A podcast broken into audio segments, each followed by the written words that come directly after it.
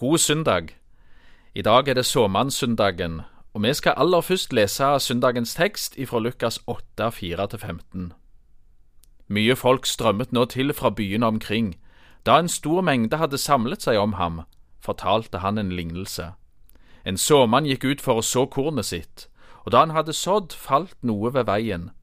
Det ble tråkket ned, og fuglene under himmelen kom og spiste det opp. Noe falt på steingrunn, og det visnet straks det kom opp, fordi det ikke fikk hvete. Noe falt blant tornebusker, og tornebuskene vokste opp sammen med det og kvalte det. Men noe falt i god jord, og det vokste opp og bar frukt, hele hundre ganger det som ble sådd. Da han hadde sagt dette, ropte han ut, Den som har ører å høre med, hør. Disiplene spurte ham hva denne lignelsen betydde. Han svarte, dere er det gitt å kjenne Guds rikes hemmeligheter, men de andre får de lignelser for at de skal se, men ikke se, og høre, men ikke forstå. Dette er meningen med lignelsen, såkornet er Guds ord. De ved veien er de som hører det, men så kommer djevelen og tar ordet bort fra hjertet deres, for at de ikke skal tro og bli frelst. De på steingrunn er de som tar imot ordet med glede når de hører det, men de har ingen rot de tror bare en tid, og når de blir satt på prøve, faller de fra. Det som falt blant tornebusker, er de som nok hører ordet, men som på veien gjennom livet kveles av bekymringer, rikdom og nytelser så de ikke bærer fullmoden frukt. Men det i den gode jorden, det er de som hører ordet og tar vare på det i et fint og godt hjerte, så de er utholdende og bærer frukt. Sånn lyder Herrens ord. Vi ber ei bønn. Himmelske Far, du har gitt oss ditt ord som en redning, som et håpsbudskap, som et livgivende budskap. La det ordet virke sånn på oss som har lest denne teksten og bruker tid på den denne søndagen. Amen. Lignelser er spennende. For uh, vi trenger jo litt tid, og vi trenger litt hjelp òg til å prøve å finne ut hva betyr de, hva var det Jesus mente? Heldigvis så spurte disiplene hva mente du med dette? Og så forklarer Jesus, og det gir oss mye god hjelp. Og han innleder jo med å si at såkornet så såmannen bruker, det er Guds ord, det er Guds budskap, det er Guds fortelling til oss. Og det budskapet det er til vårt hjerte, til vår sjel og til vårt liv, og det er faktisk det budskapet som har forandra millioner og milliarder av mennesker i over 2000 år. Jeg er helt overbevist om at det er verdens beste budskap. Det er aldri fortalt en nydeligere og mer livgivende fortelling på vår klode enn fortellingen om det lille barnet som ble født, og så 33 år seinere hong på et kors. Det som så så meningsløst ut, har gitt mening, håp syndenes tilgivelse og et evig liv til så mange, mange mennesker. Og jeg er en av de. På pakningen som det såkornet kom i, så kan vi se for oss at denne kortfatta innholdsfortegnelsen står. For så høyt har Gud elska verden, at han ga sin sønn den enbårne, for at hver den som tror på Han, ikke skal gå fortapt, men ha evig liv. Der er spirekraft, der er frelseskraft. Der er familiegjenforening mellom Gud som skapte oss, og som vil ha oss til å bli født på ny som sine barn. Den spirekraften finnes i Guds ord. Guds ord forandrer. Såmannen, han sprer rikelig. Og ingen tekster er så ofte skrevet av, kopiert, trykka, lest, sitert, elska, ledd av, trudd på og forsøkt etterfulgt som Bibelens ord. Det budskapet er i særklasse. Hemmeligheten med Bibelens budskap er at fortellingene, ordene, de lyriske avsnittene, salmene og historien til det israelske folk så i sum tegner et forvarsel om Jesus og et tydelig og nydelig portrett av han.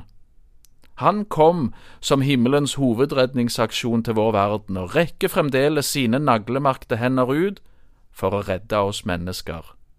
Hans utdrakte hender som en dag blei spigra til korset for å ta straff for våre brudd mot Guds vilje, de rekkes fremdeles ut. Håpet lever.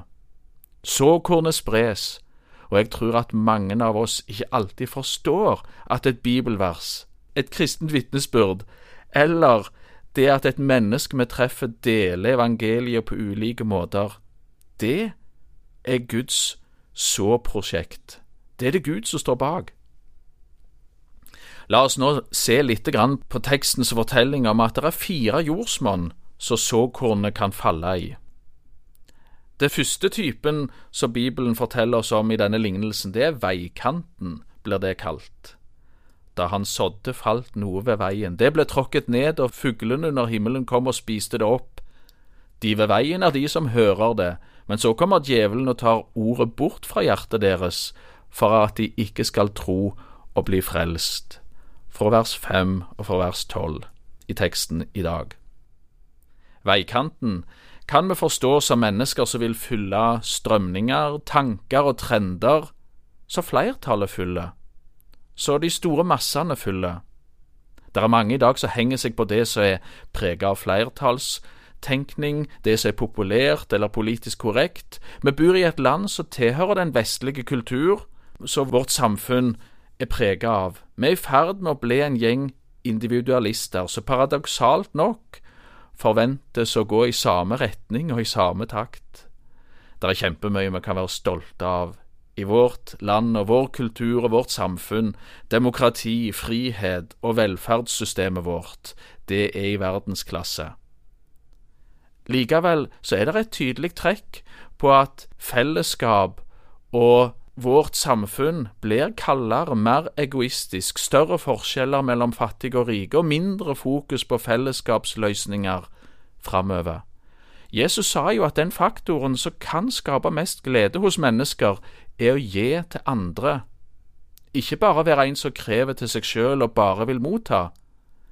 En tydelig indikator på hvordan vi organiserer oss. For hundre år siden var medlemskapsmassen i lag og foreninger som var til for å bety noe for andre, den var stor. I dag er vi medlemmer i andre typer lag og foreninger. Vi melder oss inn i sånne lag som skal jobbe for utfordringer som jeg som individ opplever, mens støtteforeninger som er til for å hjelpe andre, mister medlemmer. Oss med fotsopp, vi organiserer oss, vi kjemper for forskning og nye medisiner. Og så melder vi oss inn i de foreningene som jobber for de problemene jeg har, det som er mitt problem, min utfordring. Jesus og hans disipler var en motstrømsbevegelse. Han hadde et budskap til oss mennesker om å åpne våre hjerter for Han og leve et liv der vi er kalt til å elske vår neste like mye som vi skal elske oss sjøl. Har du plassert deg og din innstilling, ditt hjerte, tett på strømningene som preger menneskeheten, så vil du dras i en retning der Guds ord lett vil bli tråkka ned. Krefter som påvirker deg, så Jesus kaller fugler eller djevelen i sin utleggelse av sin lignelse, vil gjøre alt de kan for at Guds budskap til deg ikke skal berøre deg og ikke forandre ditt liv. Bibelen er ganske tydelig på at det finnes en nedarva genetisk refleks i oss mennesker som er i notorisk opprør mot Gud og Hans ord. Et slags tenåringsopprør som vi må kjempe med hele livet, så er mot Han som er vår far og skaper. Og Hvis en tenåring skal lytte til foreldrene sine råd midt i den løsrivelsesprosess og det ungdomsopprør som på mange måter er, er naturlig i, gjennom fasene i våre liv. Hvis tenåringen skal lytte til foreldrene i den fasen, så må han sjøl velge å arbeide med sitt hjerte og sin innstilling til sine foreldre. Gud vet at vår innstilling til Han er grunnleggende negativt innstilt. Derfor har Han en hjerteklinikk vi kan gå til, så vi kan få hjelp med den motstanden vi sliter med, hjertefeilen vi er født med, den vil han hjelpe oss med. Og han sier på mange måter i sitt ord at han vil ta steinhjertet ut og gi oss et nytt hjerte. Og vi leser mange bønner nedskrevet i Bibelen, der de som ville følge Guds ord og ba om at Gud måtte hjelpe dem og lege hjertene deres og fornye innstillingen deres til Gud, De ba denne bønna igjen og igjen. Bestill time i Guds hjerteklinikk du òg. Gjør dette til ei bønn når du kjenner på motviljen mot Hans ord. Den andre beskrivelsen Jesus har, det er når noe av såkornet faller på steingrunn. Noe falt på steingrunn, og det visnet straks det kom opp fordi det ikke fikk hvete. De på steingrunn er de som tar imot ordet med glede når de hører det, men de har ingen rot, de bærer, de tror bare en tid, og når de blir satt på prøve, faller de fra. Vers 6 og vers 13 i teksten vår. Det er nydelig å lese at mange som kjenner glede ved å høre Guds ord, og dermed tar imot, åpner hjertet sitt for Jesus. Og Bibelen har en nydelig anbefaling til oss. Vend deg om i glede. Så kom, kom i glede til Han. Men vær òg oppmerksom på at du trenger å sette inn de mottiltak som kan hindre at du ikke blir truende en Jesus-etterfølger hele livet, for det er en reell trussel. Hvordan skal vi hindre at budskapet ikke klarer å slå rot, og at motstand og utfordringer kveler det lille frøet? Planter trenger røtter for å hente opp næring og vann, for ikke å bli blåst bort eller dratt for lett opp eller helt oppspist av beitedyr. Jeg har i det siste undervist på to alfakurs. Et kurs er grunnleggende undervisning om den kristne trua. På første kurskveld på et alfakurs så tar vi for oss spørsmålet om Bibelen og fortellingen om Jesus, altså er dette troverdig? Da peker vi på at ikke i noen andre religioner er en så historiske lang rekke av bevis som indikerer at Bibelen er noe annet enn menneskers ord om en gudeforestilling de lagde i sitt eget hode og tanke. I dag er det svært mange som tenker sånn om Bibelen, altså det er menneskeverk. Det er i samme litterære kategori som Asbjørnsen og Moe, H.C. Andersen og Brødrene Grim, bare eventyr. Men hør her, jeg har noen korte, interessante fakta til deg.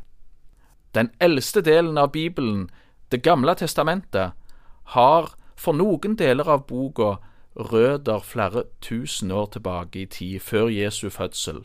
Noen deler av GT kom på 600-tallet, før år null, men gjennom alle disse totalt 39 bøkene i GT, så har over 30 ulike forfattere, så kommer der over 300 forhåndsvarsler og lekkasjer fra biografien om Jesus og hans liv, som vi får i sin fulle bredde gjennom Det nye testamentet og evangeliene.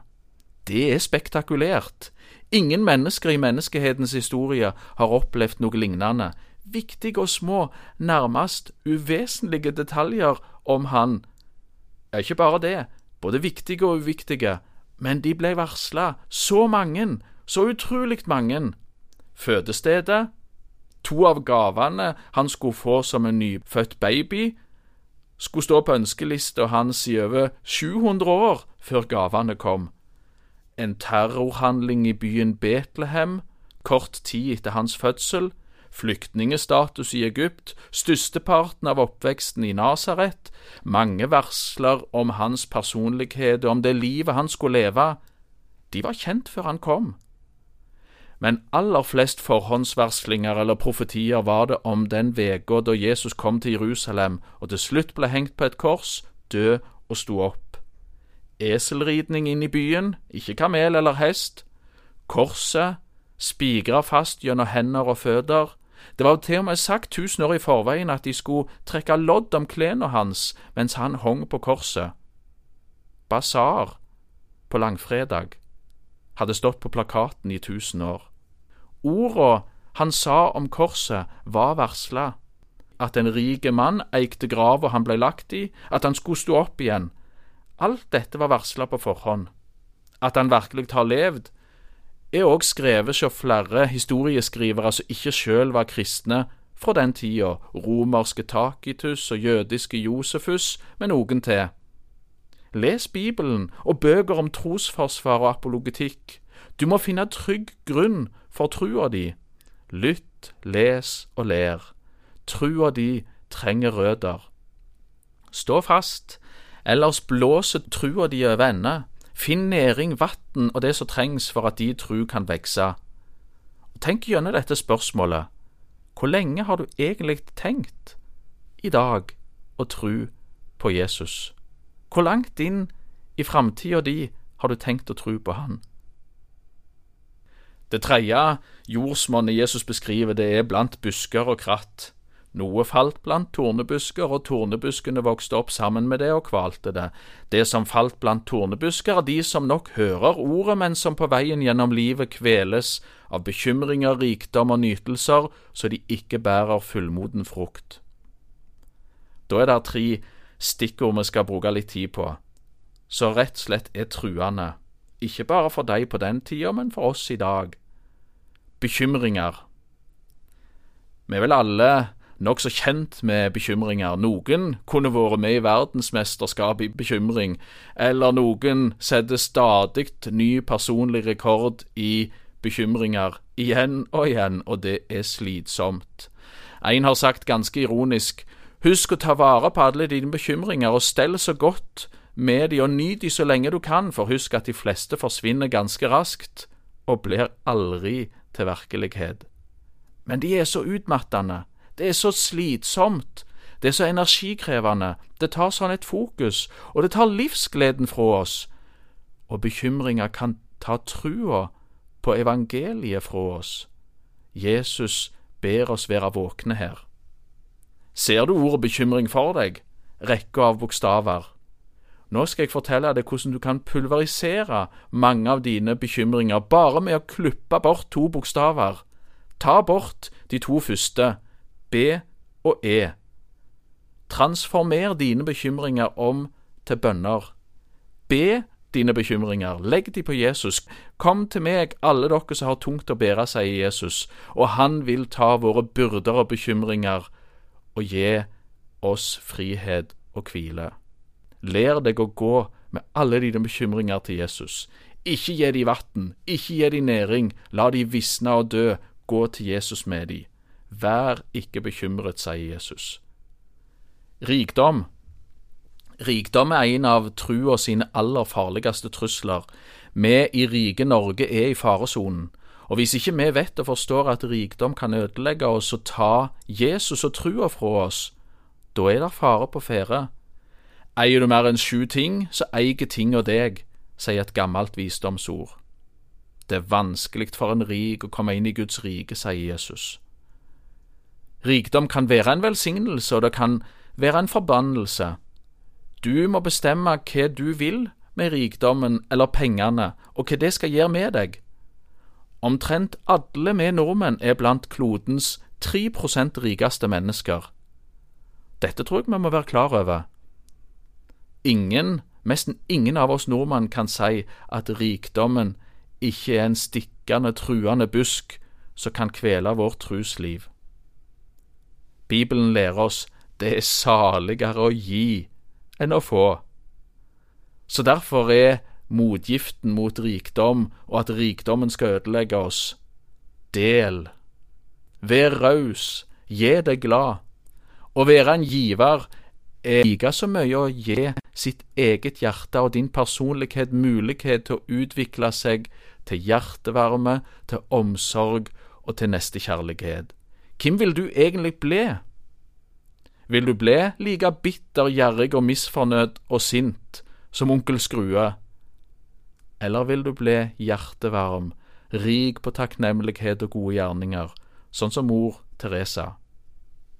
Pengene gir noe negativt med deg hvis du ikke bestemmer deg for at du vil gi av dine penger og de tid til andre rundt deg som trenger de hånd. Nytelser Egoisme, meg og mitt, velvære og spa, for deg fortjener det, sjølrealisering. Dette er stikkord fra en annen trosbekjennelse enn den som Jesus lærte oss. En undersøkelse jeg nettopp så, viste at mennesker som finner mening i å engasjere seg til beste for andre mennesker, de opplever mer glede og mening i livet sitt. De er mer fornøyde enn de som konsentrerer seg mest om meg og mitt. Og dette forteller oss at Gud som har skapt oss, når Han gir oss disse rådene og sier hva som er godt for oss, det å ikke være opptatt av egen nytelse, men heller dele, heller være raus, heller vise omsorg, det er faktisk godt for oss sjøl. Det er god medisin, det er god hjertemedisin. Derfor tror jeg at vi nå skal gå til det siste, det gode, det beste alternativet, som faktisk gir så gode vekstvilkår for Guds ord, for Hans frø, så de kan spire, gro og slå røtter og bære frukt, nemlig fjerde alternativ den gode jord.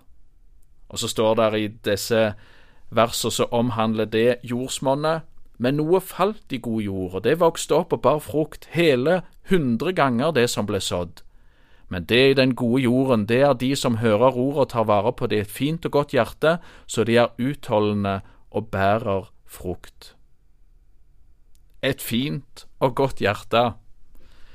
Ja, nå er det ikke spørsmål om hva hjertelegen din har sagt, hva som står i journalen din om hvordan hjertet ditt er, hvor, hvor godt eller dårlig det er. Her er det noe helt annet. Det er altså ikke sånn at det er bare godhjerta eller folk med et sunt hjerte Jesus kan la sitt ord spire sjå. Nei, det handler nok mer om et tips vi faktisk kan hente sjå Maria, Jesu mor, for hun, hun gjorde noe veldig lurt, og det blir kommentert et par ganger i Bibelen, akkurat det som Maria gjorde. For når hun hørte Jesu ord, så står det at hun gjemte det i hjertet sitt, grunna på det, tenkte på det, reflekterte over det, tok det fram. Hun forsto ikke alt, hun sto som et spørsmålstegn, men hun gjemte det i hjertet sitt og tenkte det vil jeg huske, det vil jeg tenke på, det vil jeg bruke tid på. Maria er et nydelig eksempel for oss. Hun tok imot Jesus sitt ord og hans budskap, forsto ikke alt, men prøvde å huske det så godt hun kunne, og ville ha det med seg resten av livet. Det er et bra eksempel, og det er snakk om god jord. I fjor, i september, så sådde jeg til en liten hageflekk der plenen var fjerna, og der det var åpen moll, og jeg kjørte til litt ekstra moll, danderte den fint utover, og så sådde jeg i.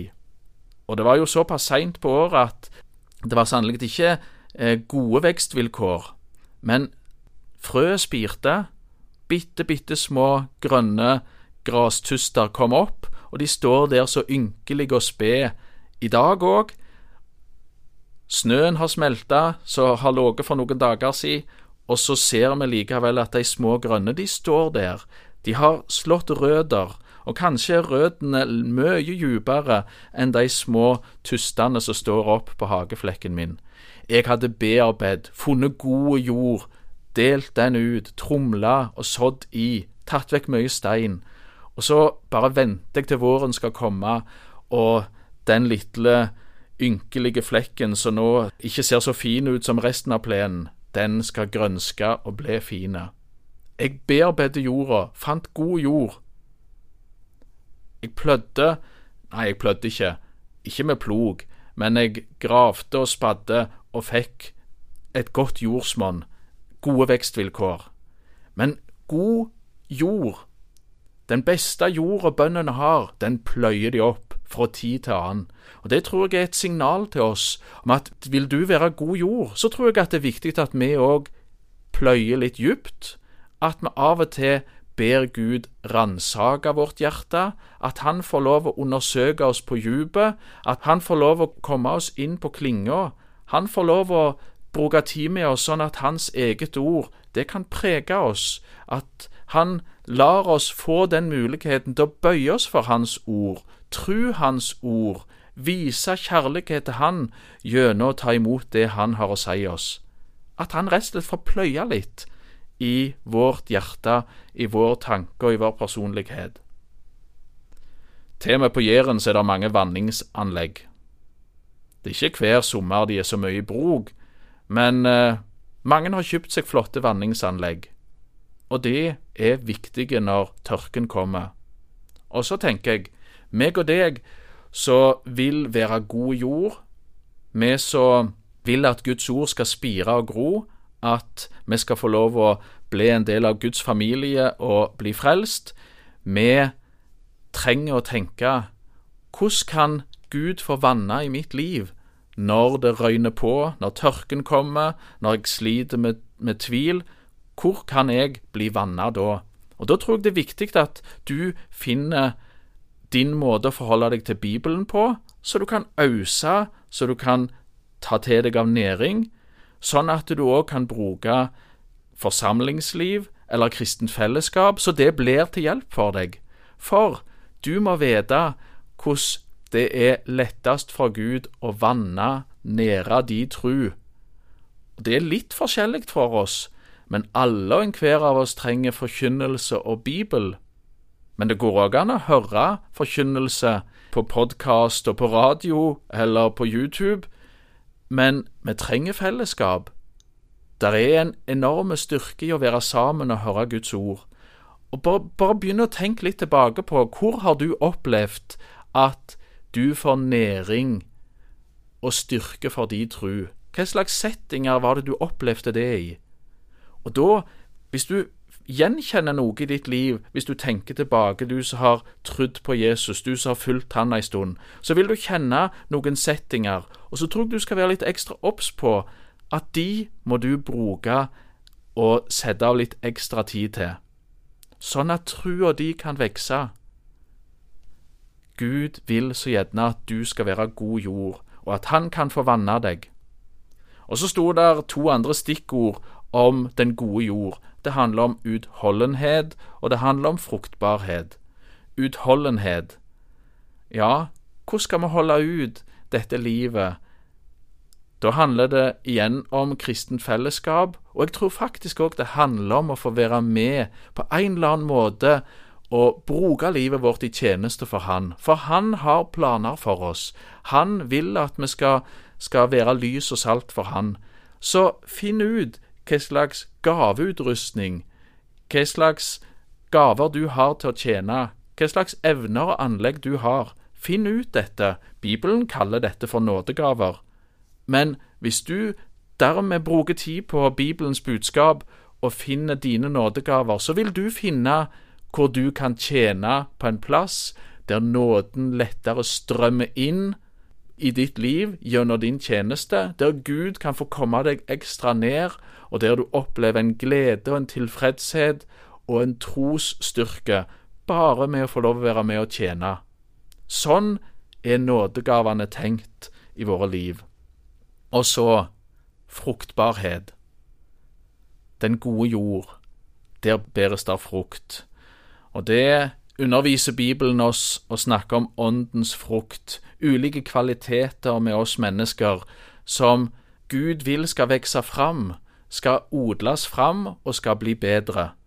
Det handler om nydelige, varme, omsorgsfulle personlighetstrekk, kjærlighet, glede, fred, tålmodighet, selvbeherskelse. Ja, det er ni stykker lista opp, og alle disse ni ønsker Den hellige ånd å dyrke fram i våre liv, sånn at våre liv kan bære frukt, sånn at gjennom kristen nestekjærlighet, omsorg og diakoni, så kan andre merke hvem Jesus er. Så kan andre åpne sitt hjerte for Han. Så kan andres jordsmonn bli pløyd, bearbeida og gjort god, sånn at òg de kan oppleve at Guds ord spirer fram til evig liv, til framtid, frelse og håp i deres liv. Lykke til, du som kjenner en lengt og en bønn akkurat nå etter at Gud må hjelpe deg og bearbeide ditt hjerte, så du kan være god jord, og Hans ord kan spire fram til frelse, håp og evig liv hos deg. Amen.